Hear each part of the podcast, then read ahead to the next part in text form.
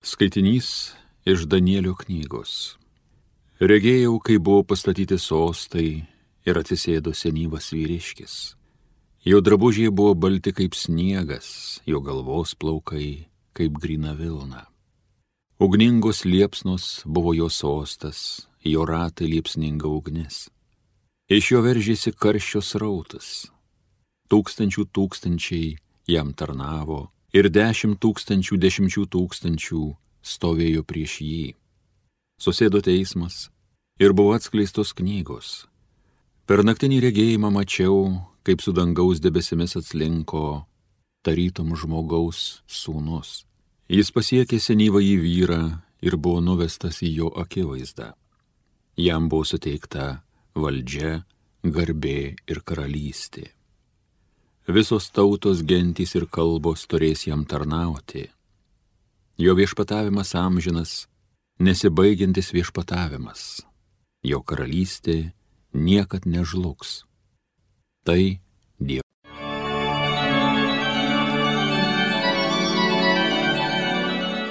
Angelų akise gėdu tau viešpatie giesmę.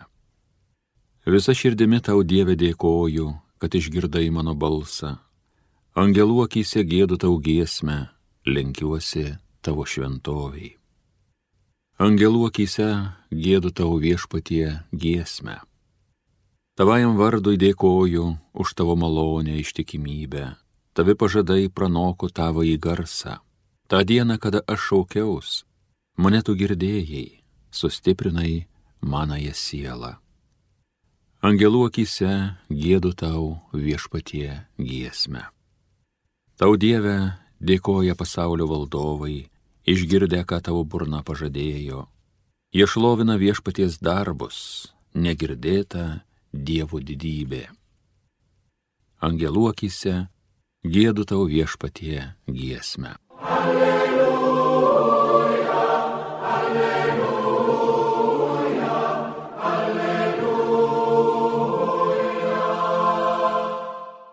Šlovinkit viešpatį angelų minių minios, jaus jo tarnai, kur vykdot jo valią. Alleluja, alleluja, alleluja.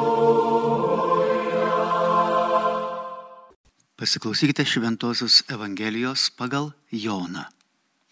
Pamatęs ateinantį Natanaelį, Jėzus pasakė apie jį, štai tikras izraelitas, kuriame nėra klastos. O Natanaelis jam sako, iš kur mane pažįsti? Jėzus atsakė, prieš pakviečiant tave Pilypui, kai sėdėjai po figmedžiu, aš mačiau tave. Natanaelis sušuko, rabi, tu Dievo sūnus, tu Izraelio karalius. Jėzus atsakė, tu tiki, kadangi pasakiau tave matęs po figmedžiu, tu pamatysi didesnių dalykų ir pridūrė, Iš tiesų, iš tiesų sakau jums, jūs matysite atsivėrus į dangų ir Dievo angelus, kylančius ir nusileidžiančius ant žmogaus sūnaus. Girdėjote viešpaties žodį.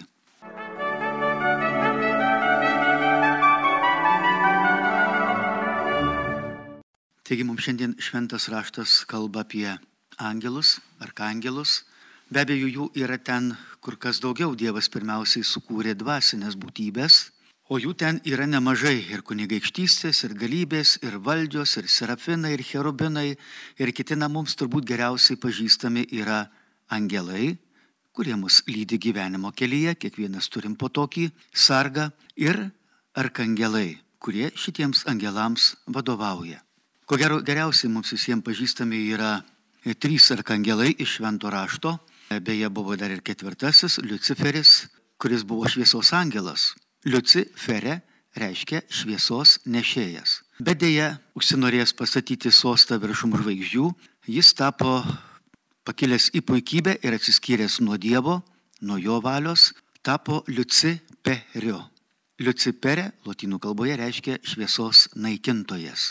Taigi jis tapo tas, kuris neteko viso, kas buvo dieviška. Štai todėl mes ir sutinkam jį įvairiose pasaulio kalbose, kai mes sakom šitonas, šaitan, satana, išvertus į lietuvių kalbą reiškia kaltintojas, skundęs mus visus Dievui dieną ir naktį. Žiūrėk Dieve, ką tu čia sukūrėjai. Tu nori, kad mes šitiems žmonėms tarnautumėm, tiems, kurie dėl žemės gabalo, kurio nenušineš į amžinybę, vienas kitam gerklės perplėšia, tu jiems davai gali gimdyti, žiūrėk, ką jie su tuo daro. Jie savo kūdikius žudo. Dar negimusius ar net jau ir gimusius. Ir Dieve, tu nori, kad mes šitiem tarnautumėm? Racijos yra šitame. Ir piktoji dvasia be abejo netekusi Dievo artumo, ką jinai padarė, jinai ir pati tada šituo Aišku, atėjo ir neviltis, ir liūdėsys, ir piktoji dvasia be abejo nori į šitą klaikę būseną įgramsdinti ir žmogų, juk jinai žmogaus neapkenčia.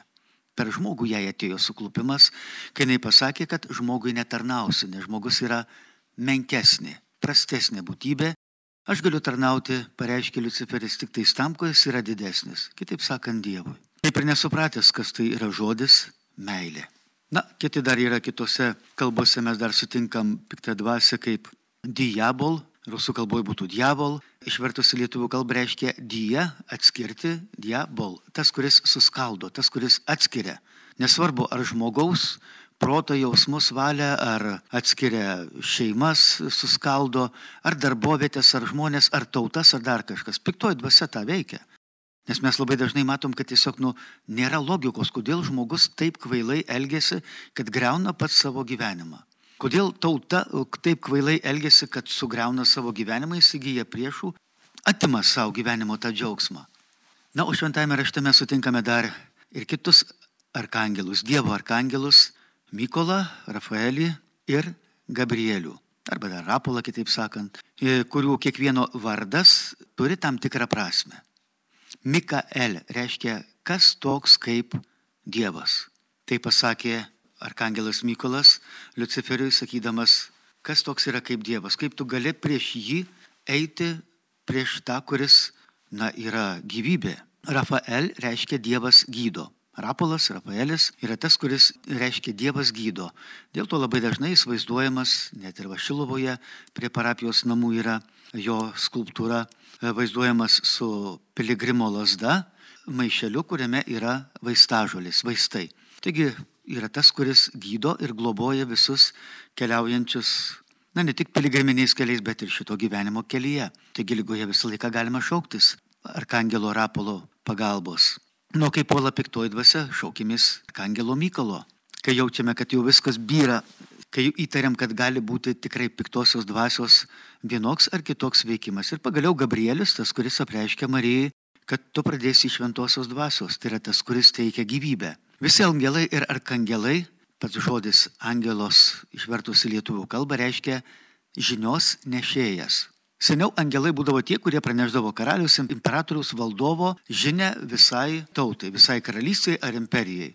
Šoliuodavo ir neždavo. Tai buvo angelo, ho angelos graikų kalboje. O mes šitą žodį pasiėmėm ir naudojam jį kaip tiems dvasiniams pasiuntiniams, kurie mums praneša Dievo valią. Ir jeigu su jais bendrauji, Jeigu pasikalbė su, su savo angelu sargu, atsiranda, žinot, jautrumas. Taip kaip nuvažiavusi kažkokią svečią šalį, pradžioj nesupranti nei žodžio. Bet ilgiau pabuvęs pradedi jau kai kuriuos žodžius atpažinti ir pagaliau jau išmoksti tuos kalbos. At vienas pažįstamas vaikas 15 metų išvažiavo, po metų jau laisvai kalbėjo italų kalbą, nors mokėsi čia Lietuvoje pagalbiniai mokykloje. Matot, pasirodo, žmogaus smegenys yra pakankamai imlios. Taip pat ir su angelais, jeigu tu bendrauji, nors kai kas ir pajokiamai sako, šneka su angelais. Ne. Su angelu reikia dalykiškai bendrauti. Sėdžiu, pavyzdžiui, prie kokio nors valdininko durų, su kuriuo negaliu susišnekėti. Prašau savo angelo. Angelė, naik pas to žmogaus angelą. Sarga, pasišnekėkit. Padarykit taip, kad tas žmogus išklausytų mane, įsiklausytų į tą mano problemą ir man padėtų tie angelai bendradarbiauja kartu su žmonėmis ir būtų gerai, kad mes jų neliūdintumėm. O kaip jau minėjau, iš tiesų maldos į šituos mūsų angelus, ypatingai arkangelus, Mykolą, Rafaelį ir Gabrielių, negali susilaukti vaiko, kreipiesi Gabrielių arba yra kažkokios tai problemos dėl gimstamumo, taigi jis už tuos dalykus atsakingas. Sergi, dar kažką, nukreipkis į arkangelą Rafaelį. Puola, kaip jau sakiau, piktoji dvasia, kreipkis į arkangelą Mykolą tiek reikalų ir jinai apsaugos. Šita malda tave apsaugos. Galbūt todėl senovėje, dar pirmaisiais amžiais, netgi buvo tokia bažnyčios mintis, kad dalis žmonių yra ne žmonės, bet yra šitie nupuolę angelai, kuriems Dievas davė galimybę paragauti žmogiškumo. Ir va tada jau galutinai apsispręsti. Tarnausiu žmogui ar netarnausiu. O ką mes darom šitam gyvenime? Iš tiesų mesgi tą ir darom. Aš renkuosi, ar aš tarnauju žmonėms, ar aš stengiuosi juos išnaudoti. Čia būtų gerai, kad mes iš tiesų neapsiriktumėm, kaip vienas šventasis e, mūsų dienų yra pasakęs, sako, Dievas sukūrė žmogų, kad žmogus būtų mylimas, o daiktus sukūrė, kad daiktai tarnautų žmogui. Na, o žinot, gavosi atvirkščiai. Žmonės dabar myli daiktus, o žmonės, kitus žmonės, ką daro, išnaudoja. Prašykim, kad mes sektumėm paskui Jėzų savo gyvenime, tada ir jo angelai ir arkangelai bus su mumis. Tada ta Dievo karalystė su visa savo galybė tiesiog bus jau mumyse. Jeigu tik tais ištarsime Dievui, taip kaip ir šitie jo angelai pasakė, te esi viešpatie tavo valia. Amen.